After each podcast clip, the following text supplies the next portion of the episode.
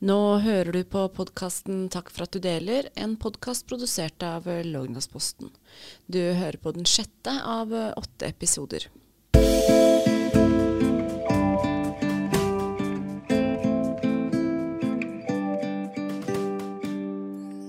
Hjertelig velkommen til eh, sesong to av eh, Takk for at du deler. Mitt navn er eh, Linn Kristin Djønne, og i dag så har vi besøk av Sandra Stoltz. Hallo.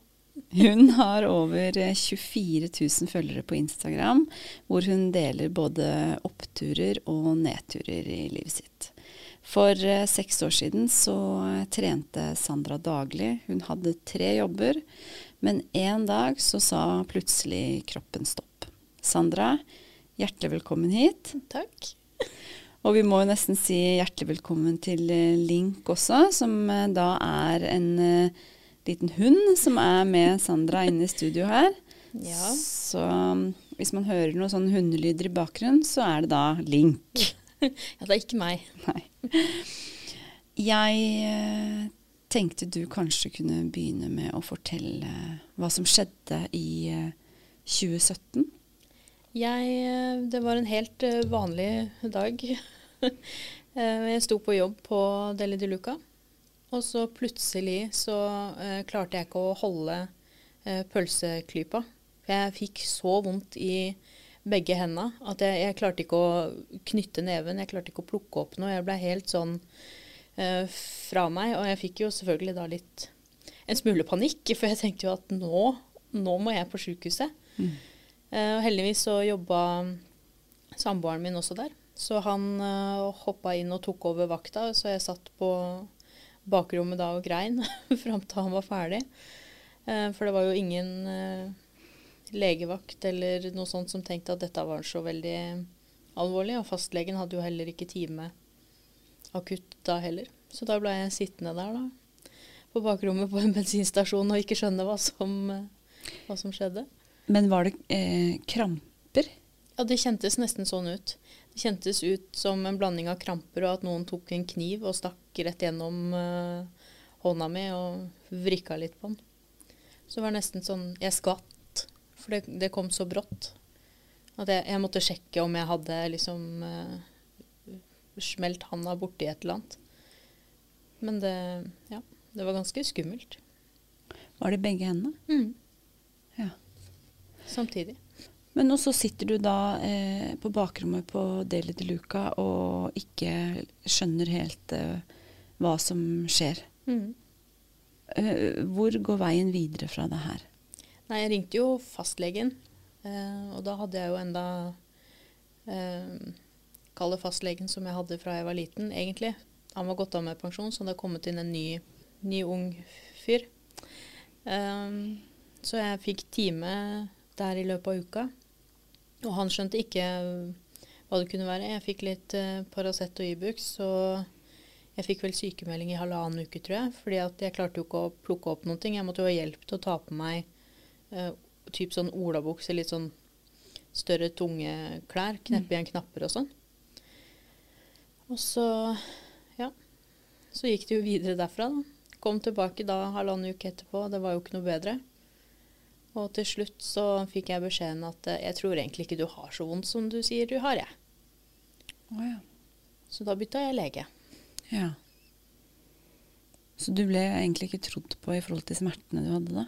Ikke i det hele tatt. Men eh, var det fortsatt i begge armene? Mm. Eller hadde det, det annet, Kjente du noe annet i kroppen? Eller var det, det hadde begynt å krype litt oppover på en måte til skuldrene og ryggen og litt sånn ble litt verre og verre dag for dag, på en måte. Og til slutt så var det jo da i hele kroppen, og da var det Du kunne jo ikke ta på meg.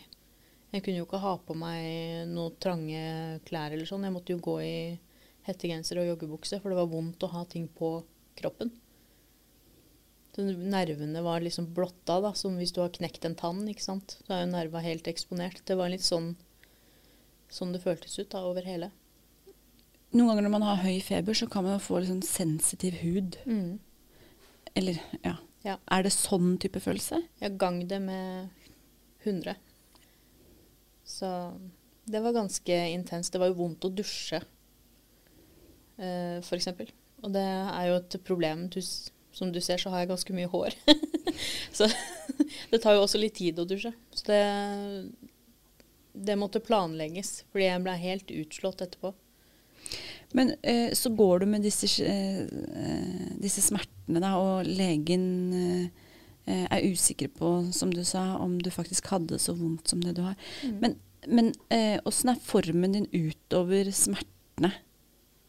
Jeg føler meg jo relativt sånn Kall det OK. Jeg blir jo utrolig sliten og utmatta. Jeg blir litt sånn surrete. Litt sånn legger telefonen i kjøleskapet og osten i lomma typ. Mm. Uh, og jeg var jo redd, for det var jo ingen som visste hva dette var. Det eneste var at uh, det er ikke noe sånn du, du, Vi tror ikke du holder på å dø. Var liksom den eneste pekepinnen jeg fikk, da. Mm. Men også bytter du lege. Mm. Hva er veien videre her nå? Da ble jeg henvist til alt mulig rart av revmatologer og immunologer, altså sånn indremedisinsk, for å utelukke sånn Kall det farlige ting, da. Eh, og jeg har jo Han var ganske sikker på at det her er noe type leddgiktaktig, fordi at det, det, går i slekta på mor og fars side. Mm. Og fordi jeg hadde Kall det Jeg hadde jo jobber som det var mye slitasje på. For det var jo typ bensinstasjon, gullsmed, Kiwi. Altså sånn Gikk mye på hardt underlag, mye løfting. Så han var ganske sikker på at de kom til å finne noe der, da. Og du hadde jo også tre jobber Ja. så du jobba vel da sikkert eh, en del? Jeg jobba mye. veldig mye. Og jeg trente jo også veldig mye. Um, så det var jo en helomvending i hverdag fra å gå fra tre jobber og flere timer med trening i uka til jeg må ha hjelp opp av sofaen. Mm. Så det var, det var en ganske hard psykisk kamp også. Men så er du hos disse spesialistene. Mm. Og hva, eh, hva, er det de eh, kommer fram til? Eller hva er det du får svar på? Jeg får vel egentlig ikke noe annet svar enn at uh, det er ikke noe galt uh, innenfor mitt fagfelt. typ. Men at i hvert fall reumatologen var ganske tydelig på at her er det noe. Men det er ikke noe jeg kan hjelpe deg med. Nei. Så anbefalingen tilbake til fastlegen er jo videre utredning. Men uh, fastlegen uh, Hva var det han sa for noe? Uh, han, han, er ekspert på kneskader. så dette her, det var litt utenfor hans ekspertise. Så han var nå i hvert fall ærlig på det, da. Mm. Men det er jo tydelig at dette her er noe de kanskje ikke heller ser så ofte. Mm. Åssen opplevdes det i den situasjonen du sto i da? Um, det var jo ganske vanskelig, for jeg følte jo at jeg hele tiden måtte være skjerpa og på og virkelig være ordlegge meg godt og forklare på en måte som gjorde at de skjønte det. Jeg har jo brukt masse Google. Fordi at Litt sånn for å få orda da, inn. At ikke det, jeg kommer og bare 'Jeg har veldig vondt', men at mm. man faktisk klarer å beskrive ting ordentlig. Mm. Eh, og det endte jo med at eh, på flere legebesøk så har jeg jo måttet ha med meg både enten da samboer eller pappa. Fordi at jeg sjøl var jo såpass Jeg var jo nesten ikke til stede på flere tidspunkt, for jeg hadde jo så vondt. Og etter hvert så ble jeg også ganske medisinert. Så jeg, jeg, klarte på en måte ikke å stå i det når jeg fikk masse motstand fra legene. Så da var det veldig trygt å ha da enten pappa eller eh, samboer med meg. Men fikk du, ble du på en måte smertelindra? Det var den medisinen som du kunne få? Du fikk ikke noe annen medisin? Nei, jeg fikk ikke noe annen medisin. Men uh, det som er på fibromyalgi, så er det ofte uh, Det er egentlig ikke noe medisin som fungerer uh, på, direkte på det. Det er jo holdt jeg på å si, mange følgefeil, eller oppfølgingssykdommer man får om det er utmattelse, man sliter med søvn, man får kanskje stive, stiv rygg og nakke som gjør at du får mye hodepine. ikke sant? Eh, så det er mye å behandle symptomer da, versus selve hovedsykdommen. Og nå sa du jo egentlig diagnosen du fikk til slutt også. Ja. Fibromyalgi. Når øh, var det du fikk den diagnosen? Det var over et år etter at jeg ble sykemeldt første gangen. Og, og hvordan øh, ble det at du ble utreda for det? Eller hvordan kom de fram til det? Si? Ja, det endte jo med at jeg måtte faktisk ta litt grep sjøl. Og jeg dro til en privatlege eh, som ikke var billig. Eh, men der også blei det en del utprøving av medisin. Men det var i hvert fall en som sa at vet du hva, det her skal vi finne ut. For det her er noe Det er noe gærent. Jeg tror på deg. Og da var det jo som Å, herregud. Så fint at noen faktisk tror på meg. Eh, fordi det er jo litt det der å gå opp i det hele sjøl og vite at du hele tida må drive og argumentere for at ja, men jeg har faktisk vondt. Så er det veldig deilig å høre at noen andre sier at ja, men jeg tror det. Da slipper man å gå rundt og stresse over det også. Men eh, han privatlegen han tok jo en sånn, kall det fullsjekk. altså MR av hodet og CT av kropp med kontrast. Altså det var alt mulig av tester blei tatt. Og han kunne ikke finne noe gærent. Og da begynte tanken å gå litt over på noe kronisk som kanskje ikke er så veldig lett å finne ut av. Så da til slutt så eh, satt han den diagnosen. At det er fibromyalgi. Og da er jo det store spørsmålet hva er fibromyalgi? Ja. Det er jo det store spørsmålet. Det er jo en kronisk smertetilstand eller sykdom da, som påvirker muskler, ledd, sener, alt mulig bindevev, alt mulig rart. Og det som gjør det så vanskelig å altså få diagnosen, er jo det at den, den ser så forskjellig ut fra person til person. Eh, mye av fellestrekka, eller måten å få det på, er å få sjekka diverse triggerpunkter du har, da. Eh, så det er liksom Hvis du scorer 15 av 18 triggerpunkter, så får du diagnosen. Åssen opplevdes det når du fikk den diagnosen? da? Det var veldig deilig. Jeg hadde jo mistanke om at det var det fra før av.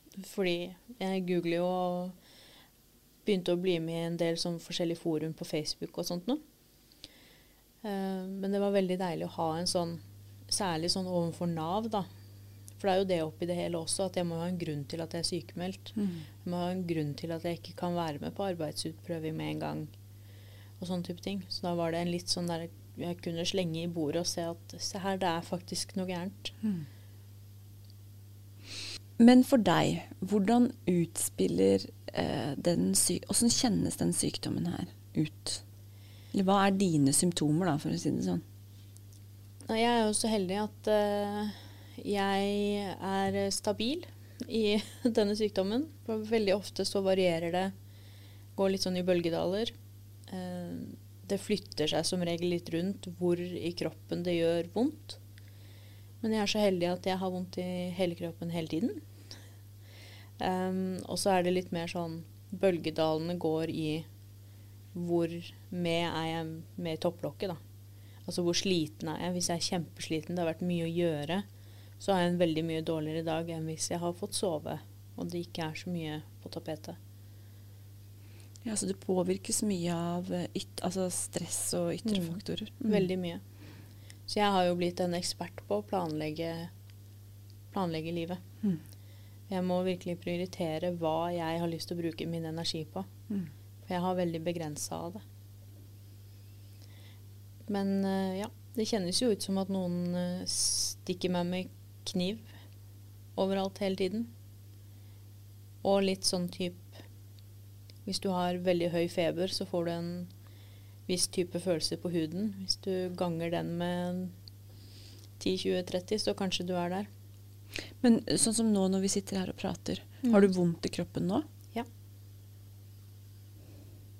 Så du har det hele tiden. Hele tiden.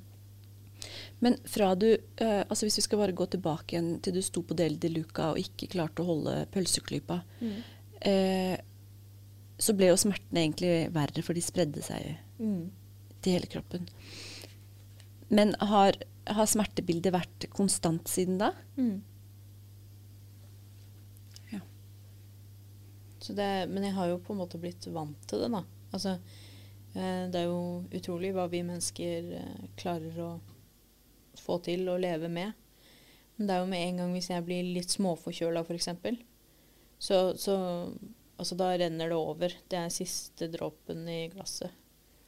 Da, må, da kan ikke jeg reise rundt eh, på besøk til folk eller gå lange turer eller hva det nå enn skulle være. Da er jeg nødt til å forholde meg i ro, for da har ikke jeg mer å gi. Nå skal du jo snart begynne som karriereveileder, karriereveileder, og du jobber eh, 100 Ja. Eh, kan du fortelle oss litt åssen du legger opp eh, livet ditt? For du sa jo det til meg før vi starta, at det var viktig for deg å, viktig for deg å jobbe. 100 Nå kom det en hund her. Ja. Du fortalte jo det litt før vi begynte, at det var, eh, at det var veldig viktig for deg. Eh, kan du fortelle litt om åssen du på en måte planlegger energien din og livet ditt for å få det til å gå? Ja, jeg har jo tatt litt inspirasjon fra noe som heter uh, skjeteorien. Uh, jeg husker ikke hvem det er som originalt kom opp med den. Uh, men det går ut på at det er et par venninner som sitter på en kafé hvor hun ene er kronisk syk, og andre spør hvordan er det egentlig. Og da går hun som er syk og samler sammen x antall skeier som hun finner rundt på diverse bord, og gir til venninna si og sier at det her er all energien din du har i løpet av en dag. Og absolutt alt du gjør, koster deg en skje, og du får ikke tilbake noe skje. Og du som ikke er kronisk syk, du har ubegrensa med skjeer, du. Men jeg er faktisk nødt til å prioritere. Og det første hun venninna sier da, er jo at 'å, herregud, så gøy, det her må vi jo prøve', for hun vil jo virkelig forstå. Eh, den første skjeen, det vil eh, jeg bruke på at jeg skal på jobb. Og så sier eh, hun som er kronisk syk at ja, det er greit. Men du kan ikke bare dra på jobb. Du må stå opp, du må gjøre deg klar, du må spise, du må komme deg til jobb. Så har du allerede brukt opp nesten halvparten av de skjeene du har bare på å komme deg til jobben. Så det er litt sånn jeg tenker, da. Du prioriterer energien din veldig nøye. Men hva innebærer det i praksis for deg, da? Det er jo litt det der at uh, kanskje jeg ikke er like spontan som jeg var før. Men jeg prøver jo på en måte å bygge opp et lite kall energilager, da. Sånn at hvis det plutselig kommer en invitasjon til å ut og spise, eller hva det skulle vært, så klarer jeg det. Eh, Men da har ikke jeg noe ekstra dagen etterpå. Og så er det jo litt å gjøre ting som gir meg energi, da. Jeg prøver å f.eks. ikke omgås mennesker som jeg egentlig ikke har så veldig lyst til å være med. Fordi det vil jeg heller prioritere energi på noen som jeg faktisk liker å være med. Og så er jo han som ligger på gulvet der, da, er jo en god, god måte å tilføre energi. Jeg driver også en del med planter. Det også har jo en dokumentert effekt på sånn, i hvert fall mental helse. Um, så ja, det er det å fylle ting, altså livet med ting som gir glede, da. Men hva skjer hvis du La oss si at du har um, um, vært ute på en middag eller brukt mye energi. Hva er forskjellen dagen etter for deg og uh, sånn som nå, da, når vi sitter og prater? Mm. Da blir det veldig tungt å stå opp. Og det kjennes ofte ut både på kvelden når jeg da går og legger meg, og morgenen når jeg står opp, at jeg har løpt maraton. For kroppen er helt utkjørt. Og så blir på en måte alt dagen etterpå blir litt vanskeligere å gjøre. Fordi at jeg har litt mindre energi. Det er litt som å, å bevege seg i et basseng, på en måte. Hvis du prøver å gå um, i et basseng, så får du litt motstand hele tiden. Eh, får du mer smerter? Ja. Du snakka jo litt eh, innledningsvis om eh, at du hadde en veldig aktiv livsstil. Eh, har noen sagt noe til deg om hvorfor eh, de tror du har fått den diagnosen? Det På en måte ja, på en måte nei. Fordi at det kan, fibromyalgi kan du Du kan bare plutselig få det. Eh, men ofte så er det på bakgrunn av et, kall det traume, da. Enten om du har vært alvorlig syk. Det er jo flere f.eks. kreftpasienter. Når de har blitt bedre igjen, så får de da en kronisk sykdom etterpå. Hvis du har vært i en bilulykke eller sånn fysisk skade, så kan du få det, for det er en overbelastning på kroppen. Og også hvis du har hatt et psykisk traume av noe slag. Eh, så min teori er jo da at jeg rett og slett eh, Altså, jeg har jo overarbeida meg på et vis. Og istedenfor å gå på veggen, som mange gjør, så fikk jeg fibromyalgi isteden.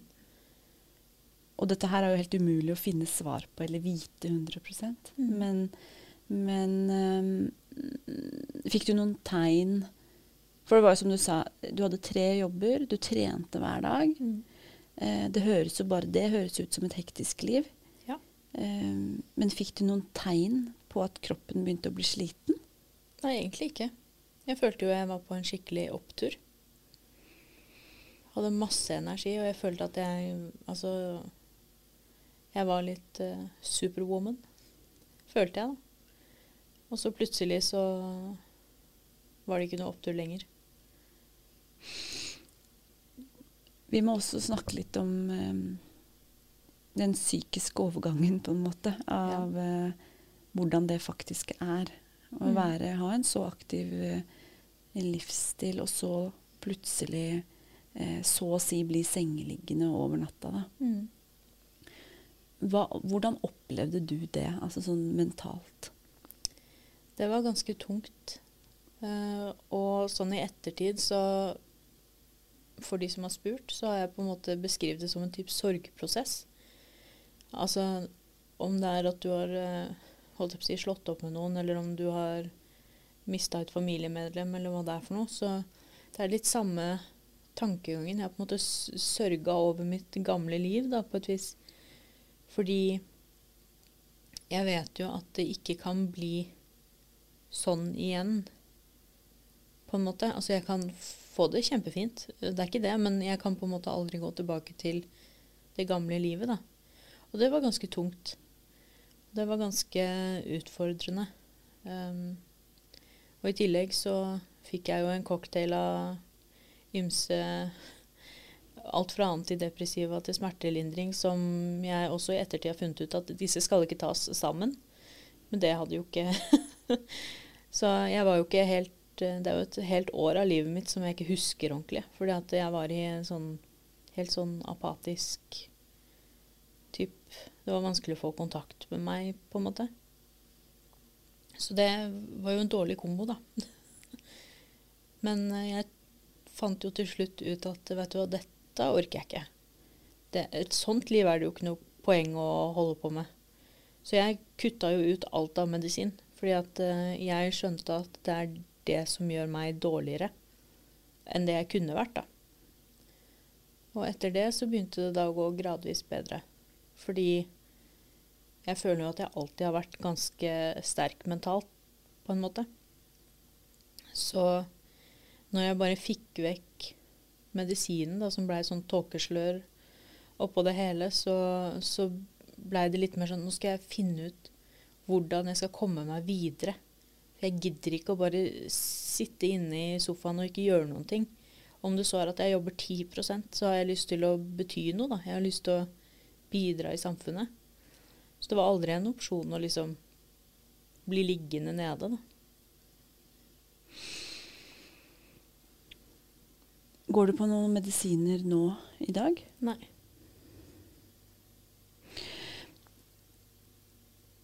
Det er jo også sånn at du har eh, opparbeida deg en eh, eh, ganske stor Instagram-konto. Mm.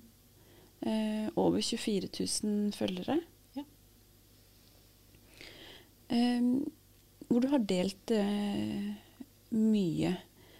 Har du lyst til å fortelle litt om åssen det kom i gang, og hvor viktig det har vært?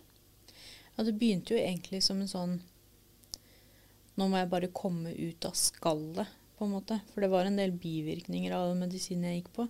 Jeg gikk jo opp over 35 kilo. Mm. Uh, så jeg kjente jo på en måte ikke igjen meg selv i speilet. Og da blei Instagram en sånn der type Ja, men nå skal du bare eksponere deg. Greie. Som bare for å ikke sitte inne med sånn Du er ikke god nok, og du ser ikke ut som deg selv lenger. Fordi det vet jo ikke disse folka på Instagram. Hvis ikke de går inn og liksom går gjennom profilen ordentlig, da. Mm. Så det var jo en litt sånn I starten mest bare for å få litt selvtillit da tilbake. Og pushe dine egne grenser. Mm. Mm. Og så vokste det jo litt, da, og så syns jeg jo det var gøy. Uh, jeg kunne jo godt tenkt å jobbe med det, på en måte. Så det var jo litt artig at eh, det gikk så bra. Eh, jeg skulle nok ønske Jeg ble, ble jo veldig inspirert av det at du inviterte meg hit. Så jeg har jo lyst til å begynne å dele mer. Eh, For jeg føler jo at jeg kanskje ikke Altså, jeg føler at jeg kunne delt mye mer. Jeg må bare finne en litt sånn meg-måte å gjøre det på. At ikke det blir sånn buhu syns synd på meg. Fordi det syns jeg absolutt ikke at noen skal gjøre. Ikke ute etter noe sympati eller noe sånt. Men hva Hva tenker du at det er viktig å dele, da? Jeg tenker jo litt sånn hverdagen, da. Sånn oppturer og nedturer og litt sånn holdt jeg på å si tips og triks. Altså hva jeg gjør for å få det bedre. Det kan jo hende at det hjelper noen. Har du kontakt med mange som eh, lever med kroniske sykdommer? En del. Det som går mest igjen, er jo det her med utmattelse. Mm. For det er jo slitsomt å leve sånn. Men ellers er det ganske forskjellig. Hvordan er dette her Altså Fibromyalgi er jo eh, kanskje blitt kjent som en sykdom som ikke synes. Mm. Mm, hvordan er det i møte med hva skal jeg si, resten av samfunnet? Det er ganske vanskelig. Fordi jeg føler at jeg må forsvare meg hele tiden. Fordi man får jo alltid den kommentaren at ja, men du ser jo ikke syk ut. Du går jo på fjellturer, du. Du er jo på butikken, og herregud, du har jo Ikke sant? Men eh, det er jo fordi at jeg har prioritert energi på det, da. Så det de ikke ser, er jo da at eh, resten av dagen er det jo under dyna i sofaen i et hjørne og med lav lyd på TV-en, typ. Eh, Så det er kanskje å få Kanskje det er noe man skal vise litt mer fram, da. I, på sosiale medier. Mm. Litt hele dagen, og ikke bare et ut, utdrag av det. Hvordan respons er det du har fått på Altså En ting er selvfølgelig at du har fått veldig mange følgere, men åssen type tilbakemeldinger og respons er det du har fått på Instagram? På de innleggene som du har lagt ut? Det er veldig mange som eh, sender melding eller kommenterer bare sånn Takk for at du deler.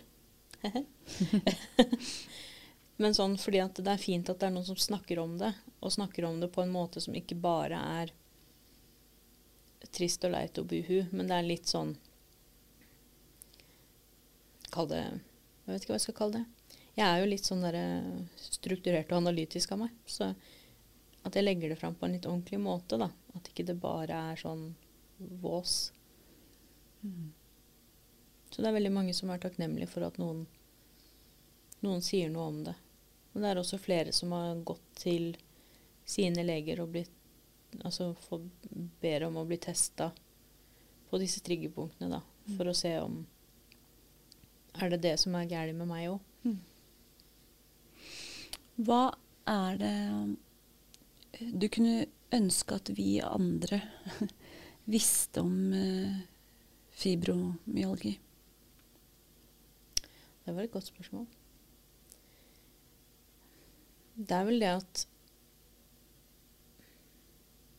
selv om du ikke ser det, da, så er det der. Det er ikke noe som du kan ta en pille, og så går det bra i en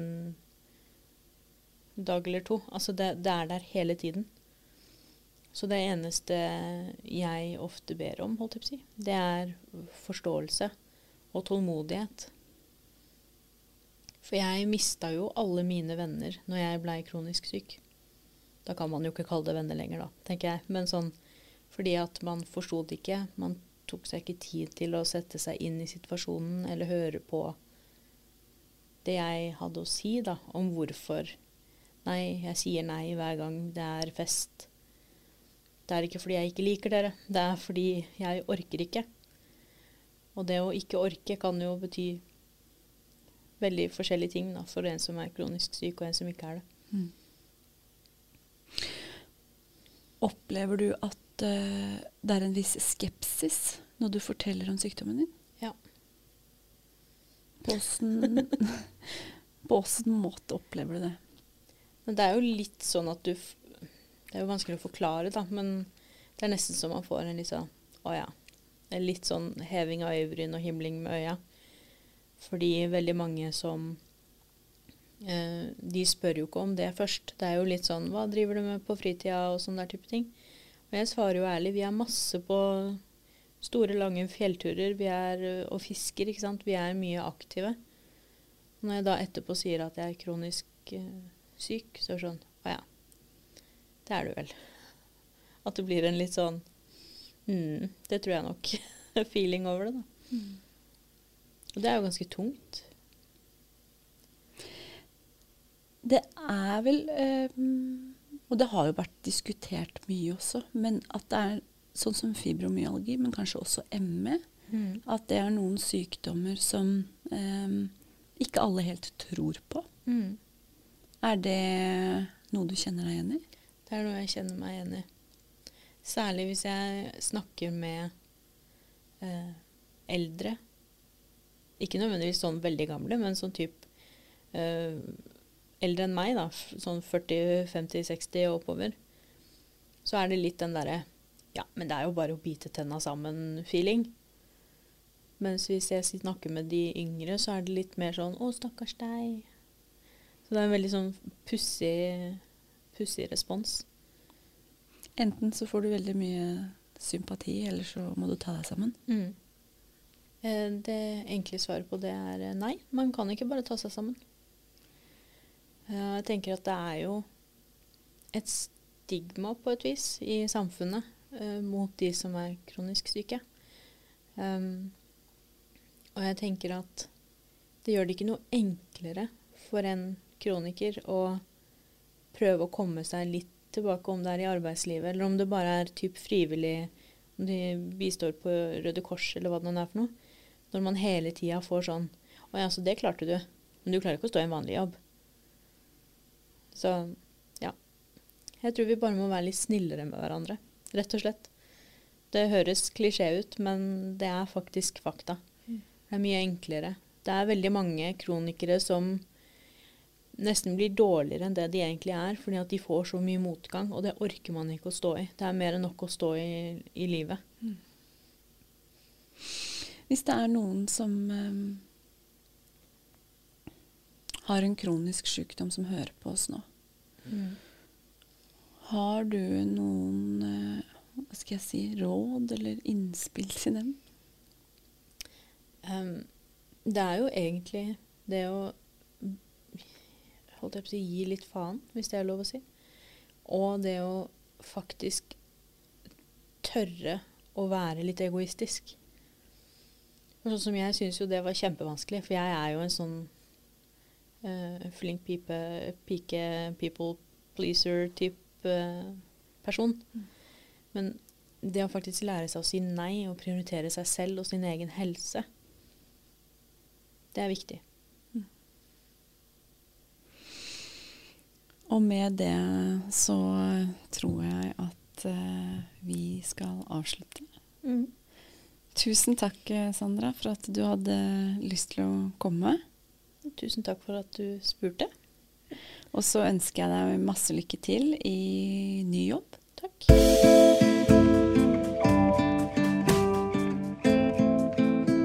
Nå har du hørt på podkasten Takk for at du deler, en podkast produsert av Lågendalsposten. Ansvarlig redaktør er Jørn Steinmoen. Har du et enkeltpersonforetak eller en liten bedrift? Da er du sikkert lei av å høre meg snakke om hvor enkelt det er med kvitteringer og bilag i fiken, så vi eh, gir oss her, vi. Fordi vi liker enkelt. Fiken superenkelt regnskap.